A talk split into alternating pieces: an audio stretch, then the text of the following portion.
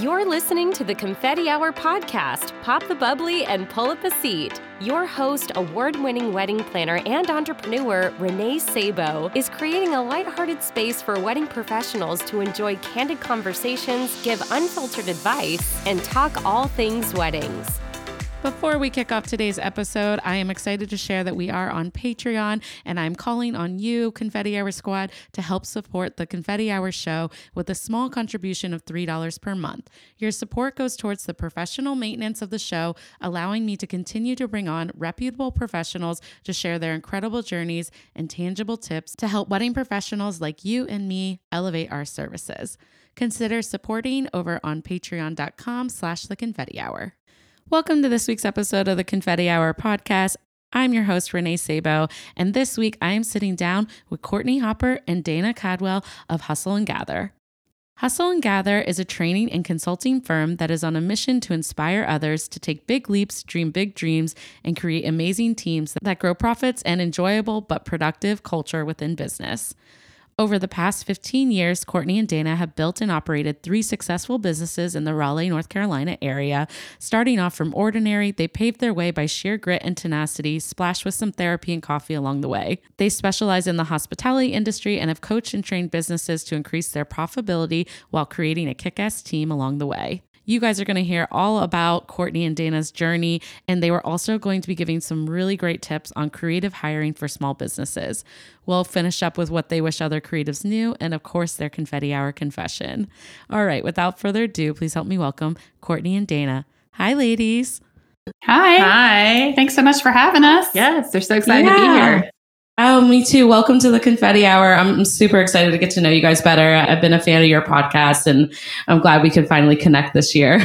Yeah. Thanks. Yeah. Yeah. I know. Well, to dive in, I want to just actually ask all about you guys. Like, first of all, how did you create Hustle and Gather? But even like backtrack a little bit and tell me a little bit about how you got into your careers and whatnot. I don't know who to go first, but Yeah, we're good at tag teaming it because we met 37 years ago when Dana was born. We're sisters. wow. Yeah. Yeah. Oh, nice. I did not know that. yeah. Yes, yes. Yeah. So that's how the story begins. Yes. Very beginning. Take it all the way back. But our business journey really began about 16 years ago when we were venue shopping for Dana's wedding. And we really couldn't find a venue that Mhm. That we fit loved. The guest count and the feel and the aesthetic that. Dana wanted for her wedding.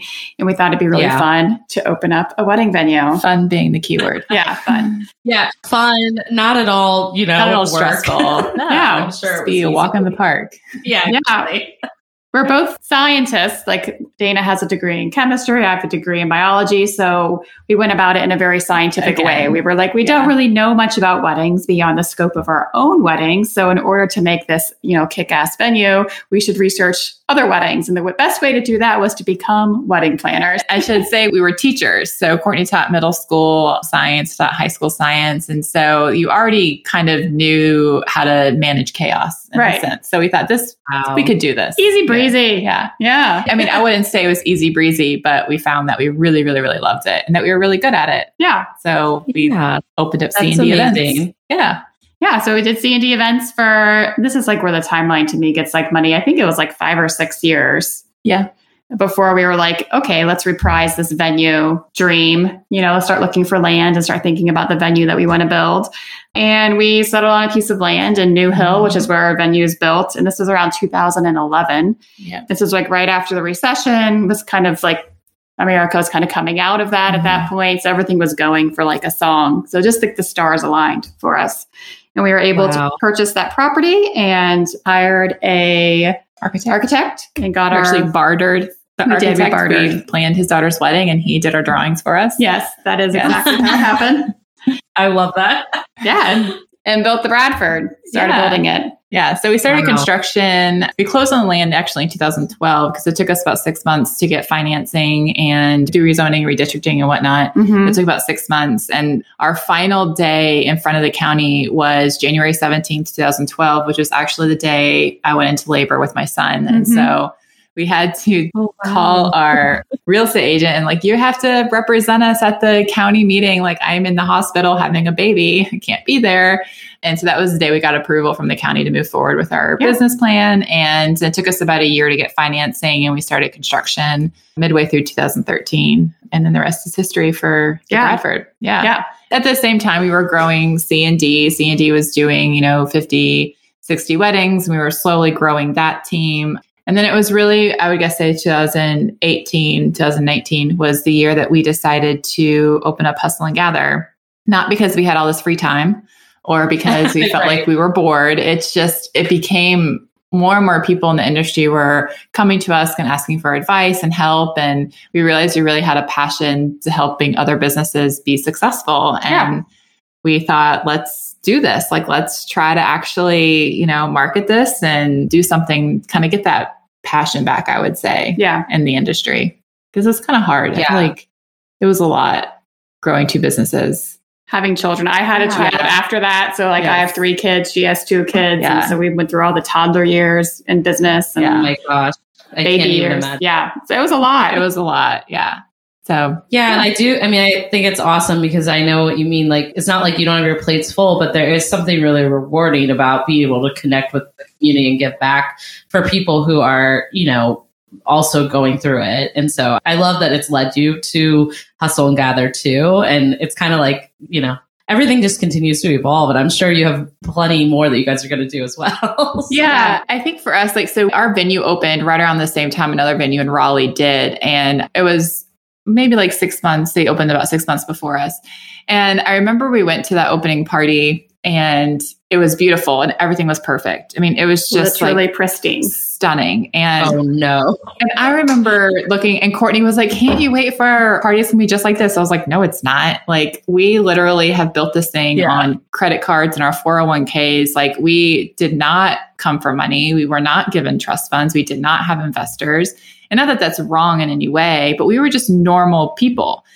And I think for us, we realized in the moment that we're not unique that we're normal, but we're unique that we had not I want to say zero fear, but we just took the risk. We jumped in. Yeah, we had we more belief it. than sense for yes, sure. Totally. like it was built right. on just pure tenacity and belief that we can do it. Right. You know. And so for us, it was like there are other people that have great ideas that can do this and we just wanted to inspire them that they can that it, you don't have to have this perfect number in your bank account you don't have to have a trust fund. You know, you don't have to have a million dollars to get started because we certainly had nothing when we got started. yeah. So that's always been kind of like our message that mm-hmm. the everyday entrepreneur, like the everyday person can own a business, can run a business. Yeah.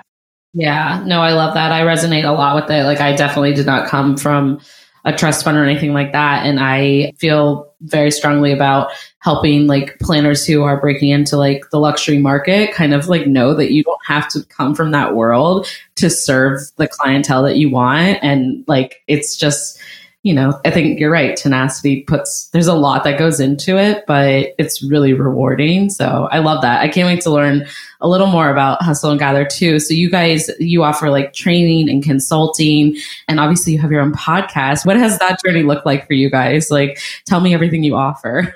sure. Yeah. So Hustle and Gather, we do keynote speaking and team training. So we'll kind of train small to medium small, kind of small mm-hmm. business in yeah. that realm teams. We specialize in venue consulting because we feel like venue growth, growing those teams is kind of our sweet spot. Our superpower. What we're our superpower, yeah. what we're really good at. yeah. And then our podcast is really about other people's entrepreneur stories, like how they got to where they are. What's the real story behind their success? What was their oh shit moment? Like when was it like I am just gonna like bury this in the ground. This is never going to make it. And then how they work themselves out of that, you know, because we've had those mm-hmm. multiple times. You know, we've been at that spot where we're like, okay, this could go either way right now, but how are we going to make it go the direction we want it to?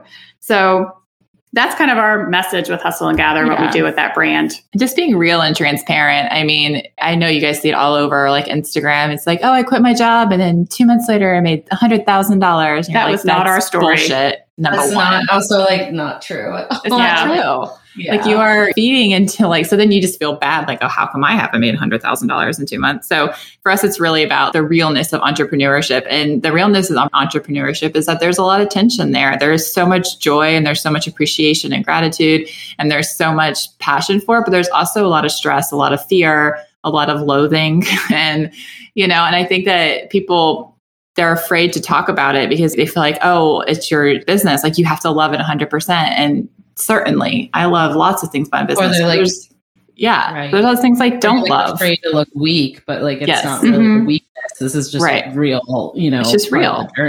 Yeah. Yes. Yeah.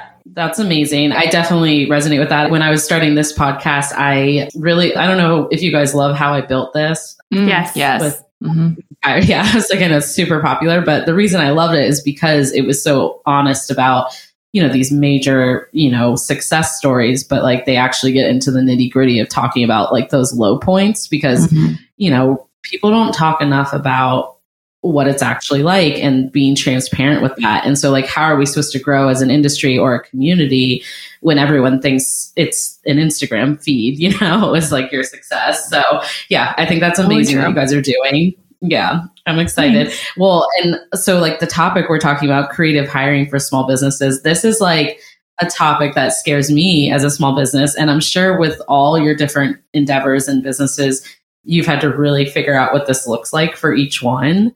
So Sure. I'm Mhm. excited to get some advice from you too, because I have my wedding planning company and then I have the podcast and I do speaking engagement as well. And it's overwhelming hiring the right people because there's not really like a one, it's not as straightforward as like a corporate like job description, right? Right. like how do i find the right person that's going to be like equal balances of creative but also business savvy or like be open to doing a bunch of different things so i'd love to hear your take on the topic but i was like oh i'm excited to hear what you guys have to say because i imagine you've been through both the highs and lows with this so Oh, yes. yeah. yeah. I mean, we have, I feel like, gone through every iteration of hiring Mhm. somebody, like whether that's like from an intern to a part time to a contract worker to Mhm. full time to full time W 2, full time or part time W 2, like all of the things. And like what fits for one brand didn't necessarily translate to another Right. brand. And we'd have to kind of reinvent the wheel.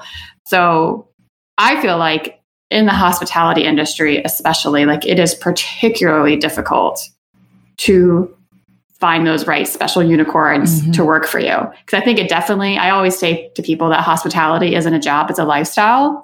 So you have to have somebody that's buying into this lifestyle, right? As well as wanting to work for your business, you know? And so that's definitely not everybody, you know? Right. Yeah. And for us, like we came by our very first hire was, I wouldn't say it was scary. It just came out of necessity. It was very much like we just had more business than we knew what to do with. And we were building, thinking about building this venue. And so we knew we needed more revenue. And, you know, we had an assistant that we had for forever and we loved. And we're like, oh, you know, you'd be great at this or whatnot. So that was our very first like jump into hiring was hiring basically a contractor you know doing hey we're going to pay you x amount per every event that you execute. And then we really started when we opened the bradford we realized we need a full team here and this cannot be just me and courtney running this thing. And then we really had to take a step back and say okay what is this warrant? Is it a part-time? Is it full-time? Is it contract? Is it you know are they wearing 10 different hats to it? And so it was really interesting for us trying to figure out like at what points in our business did we start saying, okay, this what was once part time has segued into full time? Yeah. yeah definitely So I think like first things first, like when you are trying to hire for your creative business and things that we like totally missed as we were learning this, right? Because we get it wrong multiple We times. did. Is I think you have to have a clear direction for your business. Mhm. So before you can hire somebody, you have to develop your own mission statement, your purpose, your values Mhm. for your company. Because if you haven't developed that or don't understand that, you can't translate that to somebody Right. else, right? So how are you going to find that right person if you don't even know yourself what your What company standard is and what you need is and what your values are? Right.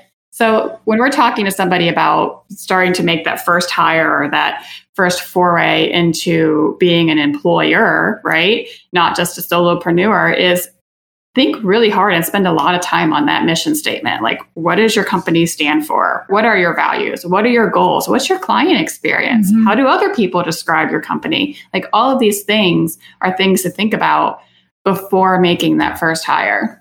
Right. And then after we talk about that, because I think that really helps give you a clear vision. And like for us, for example, like for our Bradford mission statement, one of our taglines is your wedding is not just a day, it's a uniquely tailored experience. So for us, we knew that we needed to hire people that are just not just a salesperson, right? Because we don't want a salesperson that's going to sell it and then turn around and execute it. We want them to have this experience that makes them feel unique and one of a kind and that their day is very cared for. So we felt like that was we had to have two people. We had to have someone that was dedicated into showing the vision and selling it. And we had to have someone dedicated into making sure every single, you know, T was crossed and every single I was dotted. So that's just a really simple example of when you create that mission statement, you're able to more s- visually see and tell like what kind of hire are you actually looking for. Mm-hmm. And then from there, we really want to talk about you as an employer. Who are you? What annoys you? right? Like what really gets under your skin? What are things like how are you going to manage this person? Meaning, are you going to want to see their face every single day? Do you trust someone to work outside of the office? Do you like to do you want to be CC'd on every single email? Are you a micromanager? And I think that there is this negative connotation with a micromanager. And it doesn't have to be negative. It is who you are, right? And if you hire appropriately for someone that understands and that is going to accept the way that you manage, micromanaging isn't going to be a disaster, right? Right. But what is a disaster is when you hire someone who doesn't like to be micromanaged and you are a micromanager. Then that's where the failure comes in. Yeah. I mean, I don't know if you've ever hired somebody and you're like, this is more work than if I were just to do it myself. Oh yeah, definitely. And as an entrepreneur, it's hard not to want to have control or dabble in every single thing. But I love what you're saying about like understanding your style as like a leader because you know it has to mesh both like communications and also your workflow like i could never work with someone that didn't like me checking in on projects and it's not Mhm. because i don't believe that they're doing their job it's because i'm a very collaborative person and i believe like the projects we're working on as a team it's more valuable if we're all have a hand and we're brainstorming together. But if that's not the right fit for someone and they rather like run and do things on their own like i probably they probably wouldn't want to work for me you know? So i love that point. Like people take offense to things that they really don't really need to. It's like we're just different. We have different styles. So like be self-aware i guess is what you're saying. I, I Yeah. Yeah, and we use personality tests a lot. There's a couple, but we really love, we lean on the Enneagram a lot. And, you know, one of our worst hires that we've had, I should say worst hires, one of our hires that ended in our biggest failure. How about that? An Um, unsuccessful hire. yeah. One of our unsuccessful Yeah. hires. not the right fit That's right. right. It was not the right fit. But really, what it came down to is she was actually a six on the Enneagram scale. And at the time, which is the loyalist, I was like, oh, this is great. They're so loyal. Like, they're going to be fantastic. Like, they're going to be with us. Like, they're going to be your ride or die, whatnot. And the truth was, is yes, that is an, a loyalist is an amazing friend. And she was an amazing friend to the, to our office mates and everybody. But what it did is she was so afraid of letting you down that there wasn't a level of honesty that was necessary, that was needed. Right.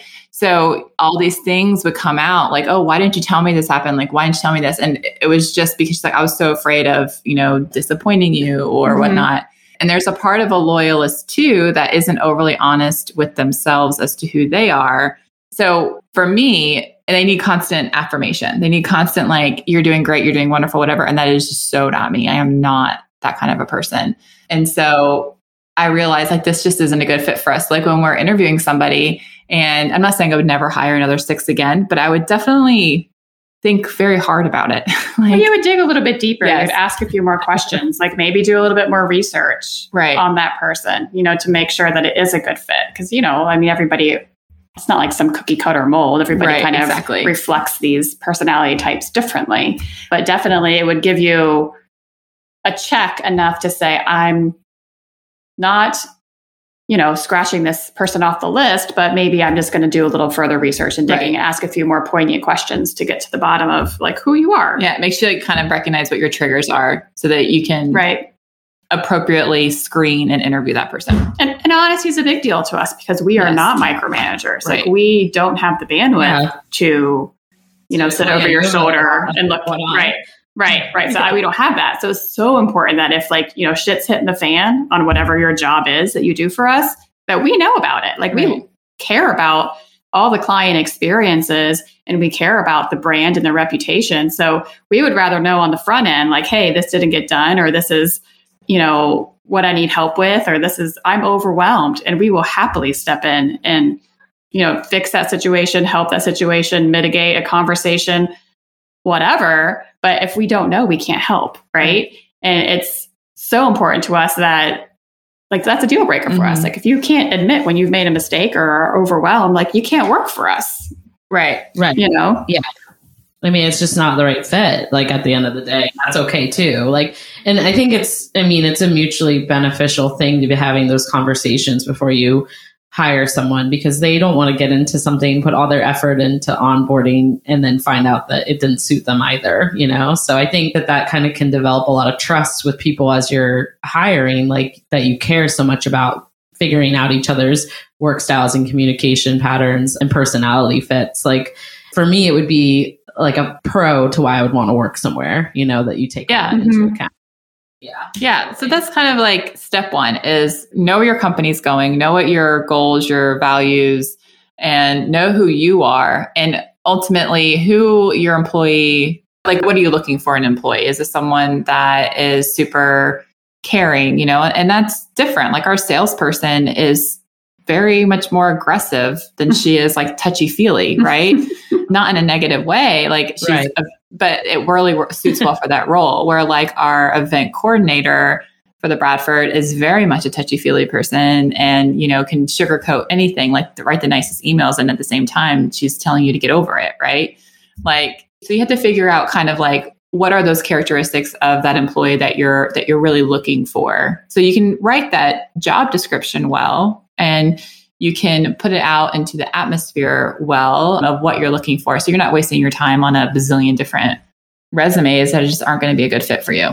Totally. I think that that comes to like the next thing. Like once you kind of know your values, know your style, and who you're looking for, is to really hammer out that job description. And I think it's tough when you're looking at small business and creative businesses because those job descriptions do tend to flex. You know, like what you Mhm. need one day, you may not need the next day. And from year to year, job descriptions can grow and change. But I think to get as much detail and description as possible, I think it's important that you put all of the roles out on paper that your Mhm. company does and that you do. So like say you're that solopreneur trying to make that first hire, whether it's full-time, part-time, etc. Like what are all the things that you do in a day? Like all the things that go into making your company tick and move forward.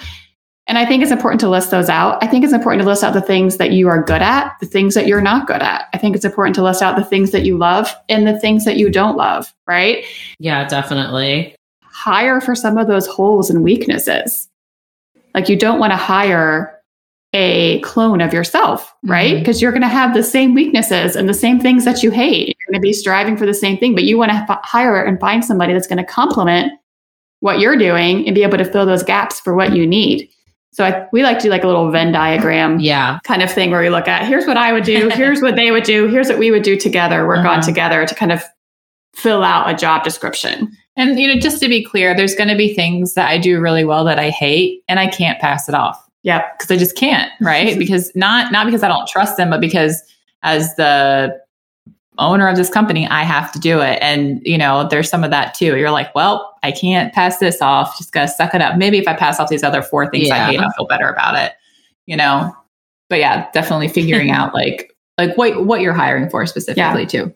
Yeah. Yeah, that makes total sense. And I mean, it helps when you say like org like do an org chart, write out all these responsibilities and I think that yeah, there's just some things you're never going to be able to give up totally, but maybe you know, if you give up a couple things, maybe those other things don't feel quite as intense to you anymore. So I think that's really good advice too. Yeah, I think too with small business, like I think you need to think outside of the box a lot of mm-hmm. times as far as hiring. Like you don't always have to hire that 40 hour a week Right. full time employee to fit the roles that you may need. You may mm-hmm. not have 40 hours per week. You may not have the cash flow to support, you know, someone's salary. So thinking a little bit more out of the box. Like maybe if you're just taking that first step into hiring somebody, like try out an intern Mhm. right? Like go to a local college, try out an intern, see if you even like managing somebody, see if Right. it like takes something off your plate or if you just feel like it adds to your plate. There's many times I've had interns that just felt like more work than they were help, right? That could be one creative Yeah. way to, you know, start hiring somebody. Look for somebody part time. Maybe it's a stay at home mother or parent that is looking for, you know, some nine to three work while their child's in school. And maybe Mhm. that fits what you have in your budget and the needs that you have for your company. You could also co op somebody, right? Mhm. Like there's a plethora of virtual assistants out there where you can just kind of hire someone for just a few of their hours per week to start trying and seeing how it is for you to offload some of these things. How does it make you feel? Does it free up more time? Does it have a direct ROI on your company? So I think before you kind of jump in, you know, two feet in and feel the pressure of somebody else's livelihood, you can go in kind of subtly. And I think that's smart for a lot of creatives. And you know, and like that's what we did ultimately. Like one of the our biggest headaches in our company was really like the day to day, like invoicing, collecting payments. It was sending out client experience gifts. It was doing like these menial tasks, right? That we did fine, but it was just a waste of my time. Anybody could do it once they were trained. And it took like two days to train them to do these things. And so we were like, hey, you know, let's just hire somebody. But I think initially I was like, Courtney, that we can't hire somebody. It's not 40 hours. And she's like, no, they'll hire someone for 40 hours and hire them 15 hours a week and it'll be fine. And that's what we did. And we actually found exactly what Courtney said. It was a stay at home mom. She wanted to work nine to, I think, two o'clock. And she wanted to work two or three days a week and maybe possibly be able to log in at home or whatever. And it was beautiful. She worked for, for like five, Five years. years. Yeah. Yeah. And it was perfect. And it, Wow, it literally saved us so much time, which then saved us so much money because instead And our of- relationship Oh, half yeah. the time too. Was Because a lot of the accounting stuff Yeah. where like we would push it off to the end of the year and she's like, When did you deposit? June 19th. And I'm like, that was six months ago. I have no idea. You know? right. so yeah. That's amazing though, and such a good example because, like, I think you're right. People feel like they have to be ready to like dive in like a full time employee or a part time, and I have the same experience. I hire someone. We've gone from five hours a week to ten to fifteen now, and hopefully, you know, she's interested. It would go further into full time, but we're having those conversations, and I'm constantly looking at what the business needs. So that's like such a good example that you you can dabble your toes too. you don't have to dive into a full time salary. Yeah. Right, right, totally. And for us, like that position specifically will never, for us, will never be 40 hours, right? Unless we're going to tack on other jobs on top of that person. But for specifically managing the office, even as big of an operation that we have, it's at most, you know, 20 hours a week. And so for us, it's finding that person that because and I say this when I hire someone and for that when we hire someone for that position, I was like, this is not a growth position. This is not something where you're looking at necessarily and you're hoping that in, when you're going to get promoted. This is literally just this is a very plateaued job. And there are people out there that really love that because, you know, our first person, like it was just spending money for them. Like they just enjoyed that aspect of it. And so I think also understanding where your growth potential is in these jobs that you're hiring so you can hire that right person. Because the worst thing I can do is hire somebody and then one year be like, I'm bored. Like I thought I was going to be able to become a wedding Right. planner after this, right? Like, you know, and so just being really truthful, like, hey, like this is a stagnant, this is not necessarily a growth job. Sure, your pay will increase because of cost of living and all that stuff, but as terms of like your responsibilities or whatnot, and finding someone who's okay with that. And there are people out there that are okay with that. Yeah, definitely. My assistant and I, she's been in and out of jobs with me because she went to a full time job and then came back because she was looking for a flexible, like contractor position, like a VA style work, as opposed to something that was full time because she has her own creative services she offers. So I think you're right. There's the right fit for everyone. And it's if you're transparent and having those, a good idea of what you're looking for and what they're looking for, then it can be a really great fit. So that's awesome. And you find a lot of entrepreneurs also like that's more of services I think that we're looking for as entrepreneurs. I'm not like hiring three full time people next year, you know? Right. Right. Yeah. So I think what's really important, like too, when you're talking about like people like in the future, you're going to be investing in somebody like you're talking about your assistant and whatnot, and maybe that would grow into like some of the overflow business that she might get or whatnot. Is you can ask for a contract. Like when we're investing in a new person or a new position, or we see that it's going to be growing, over the years, or maybe we're hiring more for the personality than skill, and we're planning on investing in that skill, we'll ask for a contract. Like, will you sign a two year contract with us? Like, I'm going to be investing X number of dollars. I think you're my person and you're going to grow with me, but it's going to cost me money and time. And I think it's okay to say, hey, like to the best of your knowledge, obviously, borrowing any unforeseen right. thing, will you sign this contract? And most of the time, people will. Mm-hmm. Like, yeah, I'll commit to you for two years, you know, and then you kind of have a little bit of that ease of mind going into this relationship. Because I think one of the most costly things that employers take on is like rollover, turnover in their mm-hmm. company. Like it costs so much time and effort to onboard and offboard and then hire that new person and train that new person that it's okay to ask for some assurances as an employer. If that's the right person, they'll be happy to oblige. Yeah. And we typically always hire a two year contract. So when we make a job offer, it's a two year job offer. So mm-hmm. we say, hey, right now, this is what your salary is going to be. This is what it includes. In six months, all going well, this is what it's going to be. At your one year, this is what we're hoping to get to. Like, this is what our goal is to give you. Because so for us, like we did our one of our biggest like hiring, like we brought the most team members on was actually at the end of 2020 because as everyone know, we saw what was coming down the pipeline in 2021.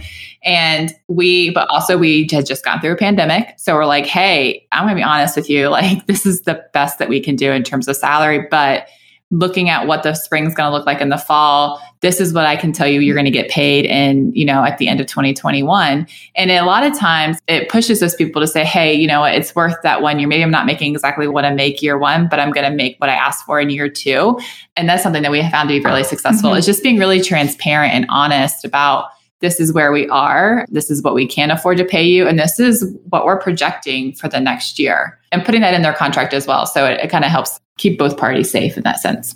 Yeah, that's such a great idea. I think that agreements in general, I don't know like how you guys operate with that too, but like even my 1099 contractors, I have agreements in place. Mm-hmm. And I think that it allows us a little bit more organization and flexibility when it comes to that type of relationship too. And mm-hmm. so I found a lot of benefit just having agreements in place no matter what type of employee it is. So I love that suggestion.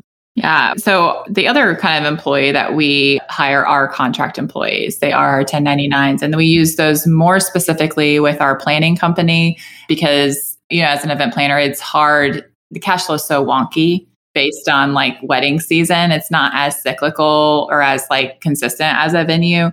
And so for our contract employees, we have them sign a one year contract. And that one year contract is actually saying, like, hey, this is what you have to do to get paid after each event. like, mm-hmm. You have to make sure that you have filled out your blog questionnaire and you have, you know, finished these things that are necessary. We also talk about sales goals. It says, here's your commission based on you selling this much. And if you go over the sales goal, you get this bump in commission.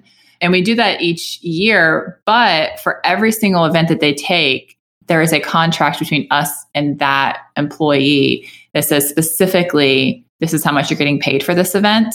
Because, especially wedding planning, you know, there's scope creep in events, right? And so we would get into these situations where a planner would quote somebody and then like towards the end they're like well that wedding was a lot more work than i thought it should have been and i feel like i should get paid xyz because i did X amount more work, right? And there were always these really uncomfortable conversations mm-hmm. that were really hard to have. And it's like, well, I understand that, but that money is like, we didn't agree on that when you took on this job. So it just really helps take out all those questions and everyone's on the same page. And it also made them quote it better. like, yeah, they were more invested in quoting yeah. that job correctly.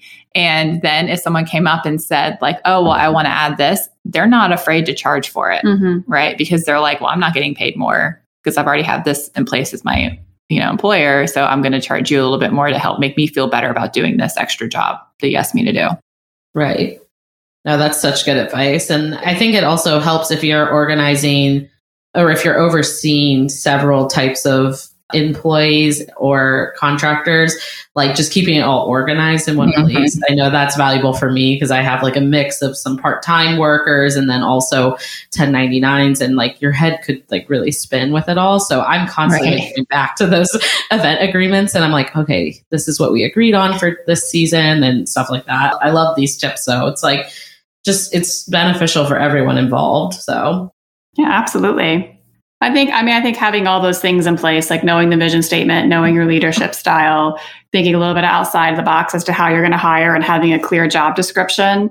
And then also with your contract, setting expectations like this is my expectation, this is your expectation, I think really makes for a great like employee employer relationship and can be super beneficial, you know? Yeah. And I think the last thing we really feel very strongly about is when you are hiring, you are hiring for a job, right? In the past where we have failed the most, it's because we have somebody and we like them. Maybe they're an Maybe assistant. they're loyal to us for a while. Right. And we're like, this person is great. Like, let's create a job for them. And that always Mm-mm. leads to failure because I'm making something fit that maybe isn't necessary to my business. Maybe it's not their best skill set, right? I'm just picking this person because they are a great person and maybe they are a great employee, but maybe they're not the best social media person, right? or maybe they're not the best right. like accountant person or whatever it is. And you kind of get into this, you know, and I think a lot of it's because you, and it's not a negative trait, but because you really care about people and you really care about the people that you employ, like, oh, I really want to help you. I really want to give you that full time job. And that's something that we have learned the hard way a couple of times, Mhm. More than once. more than once, has to say. But where now we're looking at it and we're saying, okay, this is the job. Does this person fit that job? Right. And they don't, okay, let's look outside of our circle and see if we can find someone that actually fits this job. And it fits what our company needs, not what that person needs, which is hard when you're, you know, an empathetic person because you want to, yeah, make it what they need, you know? That's a great point too. It's a hard balance, but I think that all these tips make it seem a little more approachable, which is nice. So Yeah. And then we always say like there's no one way to hire somebody. And I think that's the whole point is with creative hiring. It's, you know, there is going to be times when a full time position makes sense. There's going to be times when a part time position makes sense. There's going to be times when a contract makes sense, you know, a contract employee. And, you know, and so it's figuring out like who that person is and where your values or what your values are, making sure that those match you know, for us, like our collective girls, like I said before, our contracts, but half of them have full time jobs. And this is, they only take on 10 events a year and they love it. It is like a hobby, but they're so good at it because they're 100% invested in it. They're not trying to pay their bills with it. And that's something that we have found to be very successful in our business. Is it going to work for everybody? No. But for us, that was a creative way for us to hire our team in a way that we felt safe and we felt like we could breathe, like we're not paying for someone's health insurance, right? And they love it. Like they've been with us for, I think one's like Some of them, like eight, nine years, Yeah. you know, and it works great. So I think it's just throwing out what you think it should be and what even what you see other people doing and just thinking about what makes sense for my business and the way that I run my company. Right, right. Ugh, so helpful. Thank you guys so much. I feel like you gave us so much, just like tried and true things that you've been through and things that can really help, I think, businesses of any size, honestly. So I really appreciate this topic. Yeah. yeah. yeah. So kind of move us in. I know you have more for us. I'd love to hear though what you wish other, you have both sides, which is cr- interesting. Like you can either Yeah. say, you know, what do you wish other creatives knew or what do you wish other vendors knew? But I'd love to hear like what approach you guys take with that question. All right. We kind of discussed this a little bit beforehand, and I, Yeah. we, te- we tend to have like pretty salty takes on things right We away. do. Like whenever it's like, what do we wish that people knew? We came up with this is that I think one of the things that I think that people should know that are in the creative industry, and especially hospitality, is that your vendor relationships, especially the ones that you want to cultivate and nurture and keep, are so much more important than the client relationship. And, I think that's counterintuitive to how a lot of people run their business. That is Yeah. so good. Yeah. Mm-hmm. I think it's something we learned in 2020, like very deeply. Like, Like who has your back? Who Yes. doesn't have your have your back? our venue does, will probably hit 130 weddings. Some of those are multi-day events. Mhm. So like, you know, we're pretty hopping. We keep a lot of people busy over here. And there's people I'm like, I never want you to step foot on my property again. Even if you just did 10 weddings at my Well, even if year. even if you're amazing at what you do, like even if you're you don't have my back. Right. Even if you are great, you have amazing design, you execute well. But if you make my life hell because you're convincing your client that I am like nickel and diming them or whatever, like one, we're not a good fit. Obviously, this isn't a venue that you value. Mhm. You don't value that relationship. And a lot of times when you get down to the root of it, they're like, well, I was just trying to like back up my client. Like, I get that. Like, I totally get it. But at the same time, like, you threw me under the bus Yeah, bad move. and I can't put my staff through that again. Like I just can't do it. Like Yeah. so I think it's a very very very fine line and it's easy to overstep either side. definitely. But I would yes, but that's But definitely I our think in general, thing. that's what we'd like for vendors to know Yes. is that your vendor relationships, some of them can make or break you in an industry. And it's Mhm. While we all love the client, no one gets into this business to treat clients terribly or to have a bad client experience. At the end of the day, it's going to be that vendor that saves you, that Mhm. backs you up, or that recommends you and moves your business forward. So make sure that you are being very conscientious of your vendor relationships. Yep. Yeah, I love that so much. As a you know wedding planner, I obviously run into this quite often on the planner side of things too. And it's just like we should be a united front. We should be Mhm. like that experience better for everyone involved, not just the client. Like sometimes like the client isn't right, and like that's okay to as a team creatively work through a solution together, but don't like throw each other under the bus or make it harder. Like it's just not gonna. It doesn't look good for anyone, right? But I think you're Right. right the last two years has definitely taught us who's in your corner and who isn't necessarily. And it's been really interesting. It's been an interesting time to run businesses, but also to have partnerships because like I found when, you know, shit really hit the fans and like like all this was going down with COVID, I was like, oh my gosh, they are just like venues were moving dates without even consoling like to the Mhm. vendor team, which financially puts, you know, 13 vendors or more in really hard positions. And so I'm like, wait, we all need to take a step back and like figure out how we're going to work together on this because it's just getting Absolutely. out of control. But like, that's a great what you wish other vendors and creatives knew. I feel like no matter what line of business you're in, like our relationships are very important with each other. Like most of my business comes from fellow referrals from our industry, not 100%. Yeah. Mhm. So yeah, love it. I knew you'd have a good one Yeah. for me. I two of you. I was like, this is gonna be good. well, of course, I also wanted to see if you guys have a confession or a confession for me. Yep, we have a confession. So when I was thinking about this, this is several years ago. I feel like both of our confessions have the same underlying story of forgetfulness. Yes, same underlying story of forgetfulness. Again, like I think we again multiple children, running a venue, multiple businesses, Whatever, and this is what, this is why we don't plan weddings anymore. Right. This is exactly why. Yeah. So mine was Yeah. I was a doing a wedding. Yeah, and it was going beautifully. Everything was set up great, and I set my bride and groom down the aisle, and I'm sitting there watching them like go through the things, and it dawns on me that I never put the wine from the And the- communion and the bread. and the bread on the table.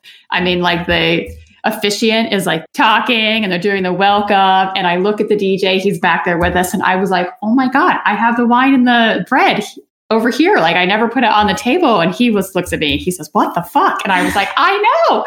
So I'm like brainstorming, brainstorming. And I talked to the photographer. I'm like, I'm like, Callie, I forgot to put the wine and the bread on the table for communion. I was like, it's going to look really, really obvious if I walk up there and place that because it hadn't happened yet, right? This is still kind of giving Yeah. away the bride, like that's going, the, the dad sitting back down and we're stating intent and all those things. And I mean, I have like minutes to get this done. I'm like, it's going to look really odd if I go up there. I'm going to create a big distraction, but you, you're everywhere. Like, can you take your camera, pretend like you're taking a picture and like just sneak this wine and bread to the back of the table it. or whatnot? I know. Yeah. And she did. She like did she sneaks down and does a couple That's passes. awesome. I forgot both of them and put one on the table, put the other on the table. I have no idea who knew, but the DJ's over there giving me a hard time the whole Yeah. time, and I'm like, oh my god, I'm But the bride horrible at my job. yeah, the bride never knew. She we asked her so we said something later because we she actually became a good friend of ours and Yeah. she was like, I never knew that story. I know Oh, it was so stressful. Aw, all the things that go on. yeah. I've had that issue before where like the unity candles kill me. I'm like, why do we always forget to put the lighter on the table? Oh, and yeah, it's like yes. we could have it ready. It's like ready, waiting for us to put it out. And for some reason we always forget that. But that's really funny. It's like as there's just so much going on at that time too, like getting them down the aisle is like a whole whirlwind. So yeah, that's Mine a good is one. very, very similar. This was actually Okay. Also uh, during a Oh, ceremony. also during a ceremony. was at a Catholic church, and the mom was supposed to have a white rose in her hand to hand to the bride. So the bride could give this rose to the altar at Virgin Mary, Mhm. right? And we had talked about it so many times, and I don't know. Oh, it was like a really stressful start to the ceremony. The preacher, officiant, whatever, was like so late. Like he literally showed up two minutes before. So I was like scrambling, trying to figure out if we needed to find someone else to marry these people. And of course, you can't just marry no one. Just nobody can marry someone in a Catholic church, right? And anyways, he shows up, everything's Right. fine. And she gets down the aisle, and the same thing. I was like, oh my God, I forgot a flower. And I'm looking around. I cannot find a rose mm. anywhere to save my life except for at the Virgin Mary altar. Her people have already given oh roses Oh my gosh. Virgin Mary. I had to steal a rose from the Virgin Mary. from the Virgin Mary and go down the aisle and give it to the mom so they could give it back. Stop it. to Virgin Mary. I like literally know that pain point. That is so funny. Like, of course, that's the only rose around. Right. Yeah, I was like, Mary has them all already. I was like, please God forgive me. I know. But I am returning it. She's getting it At least back. it's going back. Yeah, it's just like She didn't- borrowing. She borrowed a rose the I Virgin borrowed it. Mary. shouldn't say steal. I borrowed. Those are actually so funny and so real because I feel like everyone's been there at some point. You're like, the ceremony, there's just, I don't know, like I said, in churches, like I've seen some things too where we're like grabbing things from the back or just forgetful. So good confessions for us. Thank you. As I bring the episode to the end, though, I want to hear a little bit about what you guys have coming up for the future. And of course, let everyone know where they can find you on all the businesses. all the things. All the yeah, things. we actually have a hiring guide that goes into way more detail that we Nice. shared today coming out at the end of March. It's specifically geared towards small business and creative small businesses. Mm-hmm. So, talking about all of our kind of things we've learned along the way and some deliverables and charts and graphs and things that you can use to make your own vision and mission statements and mm-hmm. job descriptions and whatnot. So, that's coming out in March. Yeah. Yeah. And then, of course, we have the podcast that we'd love for you guys to tune into as well. Those come out every Monday. And we're just really this year, we're, we're all over. We're, gonna at be- the special event yeah. in California. We're at the. Mm-hmm. Signature CEO in March. Yep. And then just other things that are coming Yeah. down the pipeline. So if you're a creative and you're going to be at conferences, just follow us on Instagram, you know, at Hustle and Gather. You can see where we'll be. And we'd love to Meet up with you. connect and say hey and meet you. But to find us, Instagram is where we basically live. So at Hustle and Gather, and that connects to all of our other brands at the Bradford NC and at C and D events. And then our website is hustleandgather.com, which you can find Yeah. out more information there too. We do uh, a lot of entertaining We and do a lot of ridiculous reels because that is what life is been reduced to now. So if you need to be entertained or feel better about yourself, Yeah. please check us out on Hustle and Gather. That's right. that sounds awesome. Thank you, ladies, so Yeah. much. I'll link all that down below and I'll stay tuned for everything you have coming out. We can always like update the links, but I'm so excited. Thank you for being here and for sharing so much wisdom. I'll look forward to coming on your podcast soon and seeing you at some of these conferences. I'm excited. yeah, Thanks for having us. It was so much fun. Yeah, likewise. And that concludes this week's episode of the Confetti Hour podcast. I hope you guys loved hearing from Courtney and Dana. I'm so grateful for all their wisdom on this topic. And I think that so many of us entrepreneurs can really take to heart their suggestions for creative hiring within our businesses. Um, go give them some love over on social media. And as always, I'll link all their information down below in the show notes. Before we go, I just want to remind you to please subscribe and stay tuned for future episodes. And if you are a longtime listener of the show, I kindly ask you to take a few moments and leave a review over on Apple Podcasts. Do you know a fellow wedding pro who might love our podcast? Screenshot this episode, tag a friend, and tag us over on Instagram at The Confetti Hour or The Confetti Hour Podcast on Facebook. That's it for this week, and I look forward to talking with you soon. Bye, Confetti Hour Squad.